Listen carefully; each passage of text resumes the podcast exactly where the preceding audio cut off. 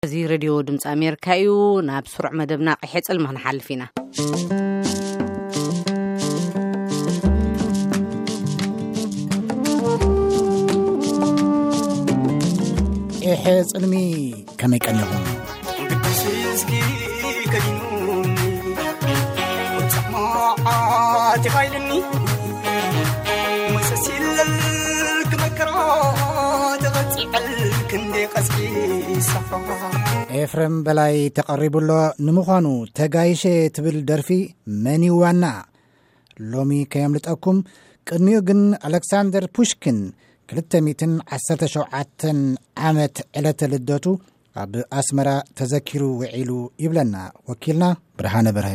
ናይቲ ብመስራቲ ዘበናዊ ቅዲ ስነ-ጽሑፍ ሩስያ ዝፍለጥ ሩስያዊ ገጣሚ ኣሌክሳንደር ፑሽኪን መበል ክልተ ሚእትን ዓሰርተ ሸውዓተን ዓመት ዕለተ ልደት ብ ሽዱሽተ ሰነ ክልተ ሽሕን ዓሰርተ ሽዱሽተን ኣብ ፑሽኪን ኣደባባይ ኣስመራ ተዘኪሩ። ኣብቲ ብሩስያዊ ኤምባሲ ዝተወደበ ስነ-ስርዓት ዝኽሪ፣ ኣምባሳደር ፈደረሽን ሩስያ ኣብ ኤርትራ ሚስተር ኣዜምያር ክኽሚዶቭ ዝርከብዎም ዕዱባት ኣብ ሓወልቲ ፑሽኪን ሕቋፍ ዕምባባ ኣንቢሮም። ኣብቲ ኣጋጣሚ ንተራን ኣበርክቶን ፑሽኪን ኣብ ስነ-ጽሑፍ ዓለምና ዘንጸባርቕን ንዝምድና ኤርትራን ሩስያን ዘጉልሕን ግጥምታት ብቋንቋታት ሩስያ፣ ትግርኛን እንግሊዝኛን ቀሪቦም። ኣሌክሳንደር ፑሽኪን ብሽሕን ሸውዓተ ሚእትን ተስዓን ትሽዓተን ተወሊዱ ብሽሕን ሸሞንተ ሚእትን ሰላሳን ሸውዓተን ዓሪፉ። ካብ ኤርትራዊ መበቆል ዘለዎ ኣቦሓጎኡ ኣብርሃም ሃኒባል ዝተወልደ ውሩይ ደራሲ ኣሌክሳንደር ፑሽኪን ኣብ ሕዳር ዕስራን ሸሞንተን ክልተ ሽሕን ትሽዓተን ኣብ ከባቢ ህዝባዊ ቤት ንባብ ኣስመራ ንዝኽሪ ሓወልቱ ተሰሪሑ። ኣሌክሳንደር ፑሽኪን፣ ካብ ሽሕን ሸውዓተ ሚእትን ተስዓን ትሽዓተን ክሳብ ሽሕን ሸሞንተ ሚእትን ሰላሳን ሸውዓተን ብህይወት ኣብ ዝጸንሓለን ግዜያት፣ ብደረጃ ዓለም ዓቢ ጽልዋ ዝገበሩ ብርክት ዝበሉ ግጥምታት ጽሒፉ'ዩ።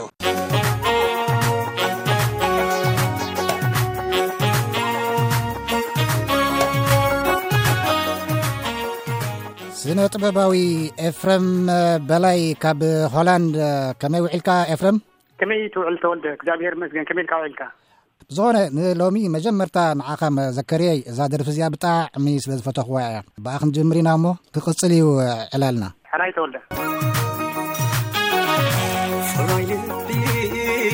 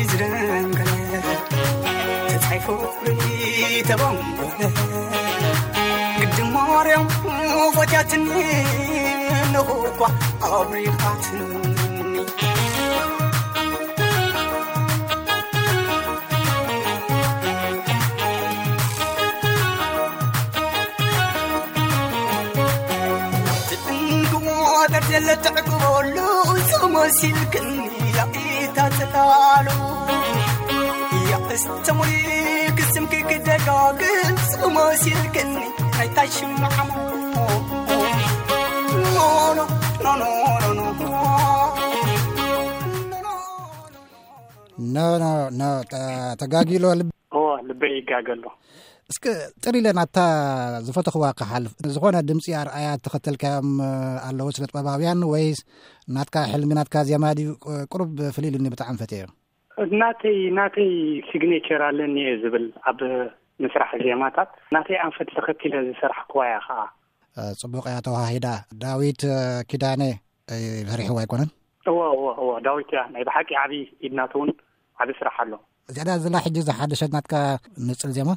እዎ እዚኣ እታ ናተይ ዝሓደሸት ንፅል ዘማ ዘላ ራይ ኤፍረም በላይ ቁሩብ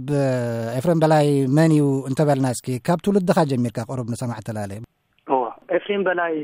ሓደ ኣብ ግዜ ሓራ መሬት ቅድሚ ናጽነት ኣብ ሓራ መሬት ኤርትራ ሽላሎ ደቂ ዳሽን ዝበሃል ዓዲ ከም ጉጅለ ባህሊ ቀያሕቲ ዕምበባ ከምኡ ነናእሽቱ ናይቲ ከባቢ ኮይነ ዓብየ ብድሕሪኡ ናጽነት ኣርኪቡ ማለት ኣብ ዝኾነ ክነጥፍ ኣይጸናሕኩን ድሒሩ ግን እቲ ናይ ሃገራዊ ኣገልግሎት ስለ ዝነበረ ከም ኩሉ ሰብ ካልኣይ ዙር ሃገራዊ ኣገልግሎት ወሪደ ማለት እዩ ክሳብ ተስዓን ኣርባዕተን ተስዓን ሰለስተን ተስዓን ኣርባዕተን ከዓ ኣብኡ ጸኒሐ ድሕርኡ ኣብ ሽመልባ ነርካ ብጉባኤ ካብ ሱዳን እየ ከይደዮ ንኣዲስ ኣበባ እምበር ኣብ ሽመልባ ይኣተኸን ሽመልባ ይኣተኹም ድሓንቲ ኣሪሙ ኣሎ ፅቡቅ ሕጂ ናብ ኣዲስ ኣበባ ካብ መፃኻ ናብታ ተጋይሸ ከይከድና ናብታ ሓዳስ ዘላ ጉዳይ ኣብ ሰሙን እዚ ኣብ ፌስቡክ ዘላ ጉዳይ ክመፅእ ዳሕራይ ምናልባት ብዙሕ ሰብ ዝፅበዮ ናብታ ተጋይሸ ክንሓልፍ ኢና ኣብርሃም ገብረ መድህን እንታይ እዩ ገይሩ እንታይ ኢካ ትብሎ ዘለካ ኣብዚ ሰሙን እዚ እወ ኣብርሃም ገብረ መድህን ሓንቲ ንእሽተይ ኣብ ዜማታ ኣትዩ ወፅኡ ማለት እዩ ሕጂ እታ ኣብ ንበርለይ ዘላ ኣብ ምሳ ተጋይሰ ትብል ካሴት ዝተሰርሐ ደርፊ እንድያ ሕጂ ካብቲ እታ ልቢ ናይታ ዜማ ኮይና ረኪበያ እታ ሰሪሕዋ ደሎ ኣብርሃም ገብረ መድህን ማለት እዩ ሕራይ ሕጂ ጽቡቕ ኣጋጣሚ ኮይኑ ኣብርሃም ገብረመድህን ካብ ኣዲስ ኣበባ ኣብ መስመር ረኺበዮ ኣለኹ። ኣብርሃም ከመይ ትውዕል? እግዚኣብሔር ይመስገን ጽቡቕ ኣለኹ። ከመይ ኣለኹም? ጽቡቕ ብጻይካ ስነ ጥበባዊ ኤፍረም በላይ ካብ ሆላንድ ኣብ መስመር ኣሎ ኣብ ዝኾነት ሓንቲ ሙዚቃ ተራኺብና ይብል ኣሎ ተደራሪብና ይብል ኣሎ እሞ ከመይ ትኸውን ኣብርሃም እግዚኣብሔር ይመስገን ኣብ ምንታይ ዳ ተራኺብና ወደይ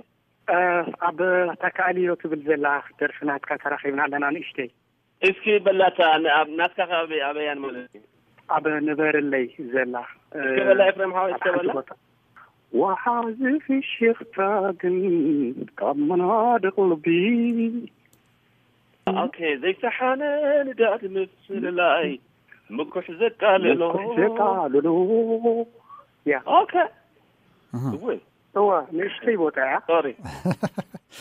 ልቢ ይብልኩላ ነረ ኣይደኖ ኣብ ተጋይሸ ንሓና ክልተ ሽሕን ሸውዓተን እንዲያ ወፅያ ትዝክሮ ትኸውን ካብ ተጋይሸ እያ ወፅያ ኣቤት ኣብ ተተኣላልያ ኣብቲ ካብ ኣቀላልፃ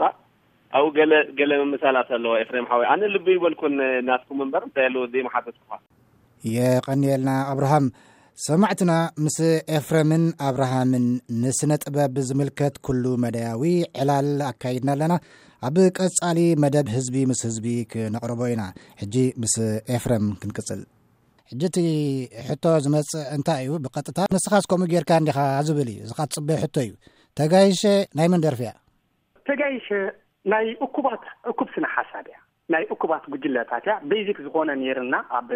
ብፍላይ ጋሽ ባርካ ንነጥፍ ዝነበርና ሃማማተኣ መቦቆል ዝበሃል ዳርጋ የለን ኣብቲ ስራሕና ኣይትፈልጦን ኢኻ ከመይ ይመጽእ ተጋይሸ ኣነ ድሒረ እየ ረኺበያ ካብ ናይ ተሰነይ ዝመጸት እያ ካብ ናይ ደቂ ተሰነይ መንግስቲ ኣብ ገብረ ገረግሽ ትፈልጦ ኢኻ እዎ እያ እዎ ሕጂ ቀፅል ካብቲ ደው ዘበልኩኻ እዎ እያ ሕጂ ከምዚ እዩ ኮይዱ ናባይ መፅያ ኣባይ ኣብ ዝመፀትሉ ሕጂ ኣነ ናይ መንግስቲ ኣብ ኣይፈልጣን ቤዚክ ናይቲ ቆልዓ ምሳና ዝነበረ ኢና ንፈልጣ ማለት እዩ ነታ ደርፊ ሶ ካብኡ እየ ተረኪበያ ካብ ፍሒራ ዝበሃል ቆልዓ ነይሩ ኣብ ልዕሊኡ ሕጂ ቤዚክ ማለት ናቱ ክሬዲት ክንህቦ ስለ ዘለና ወይ ናቱ ክሬዲት ስለ ዝኾነ እቲ መንግስቲ ኣብ ድሒረ እያ ኣነ ኣብ ቴሌቭዥን ቅድሚኡ ንደዋወል ኔርና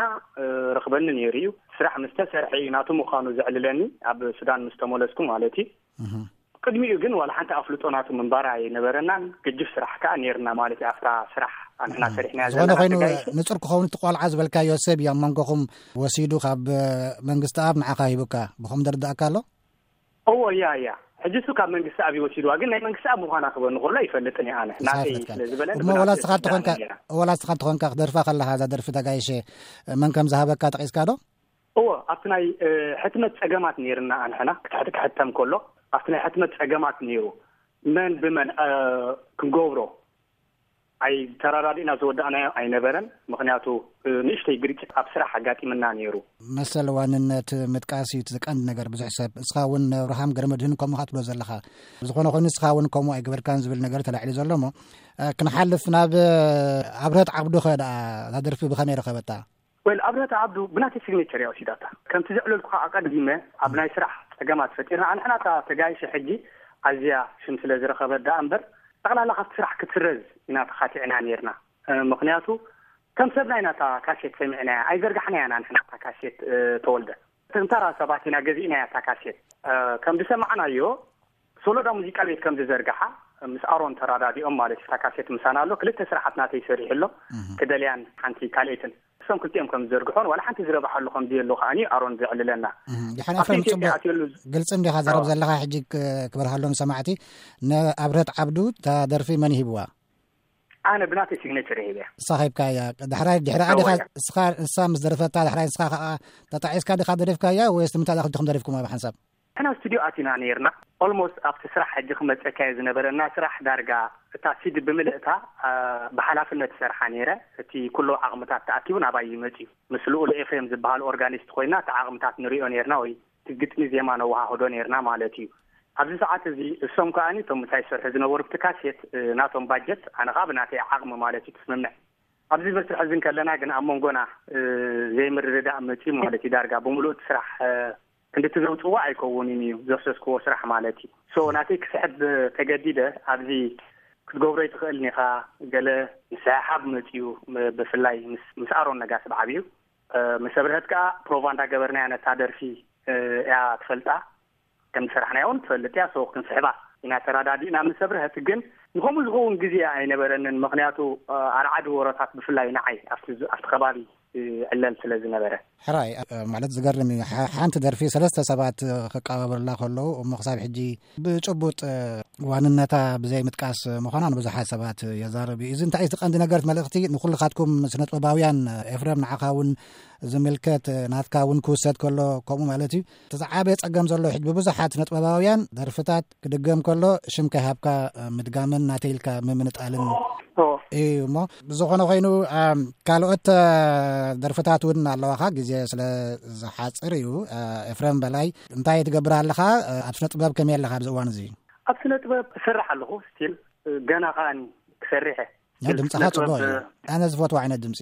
ዘስቆርቁር ዜማ እየ ዝፈቱ ብል ነይሩ ማዕበል ሓያል ብ ዜማ ኣነ ከዓ ፍሊሲ ንፈቱ ሓደ ኣፈፃፅማ ናይቲ ደርፊ ይፈቱ ማለት ኣተዓፃፅዋ ናይ ሓደ ደርፊ ከዓ እፈቱ ኣብ ሓቂ እሞ ሕጂ እውን ደጊምካ ይትበለኒ በታ ሙዚቃ ኢና ክንፋኖ ኤፍሬም በላይ ብሽም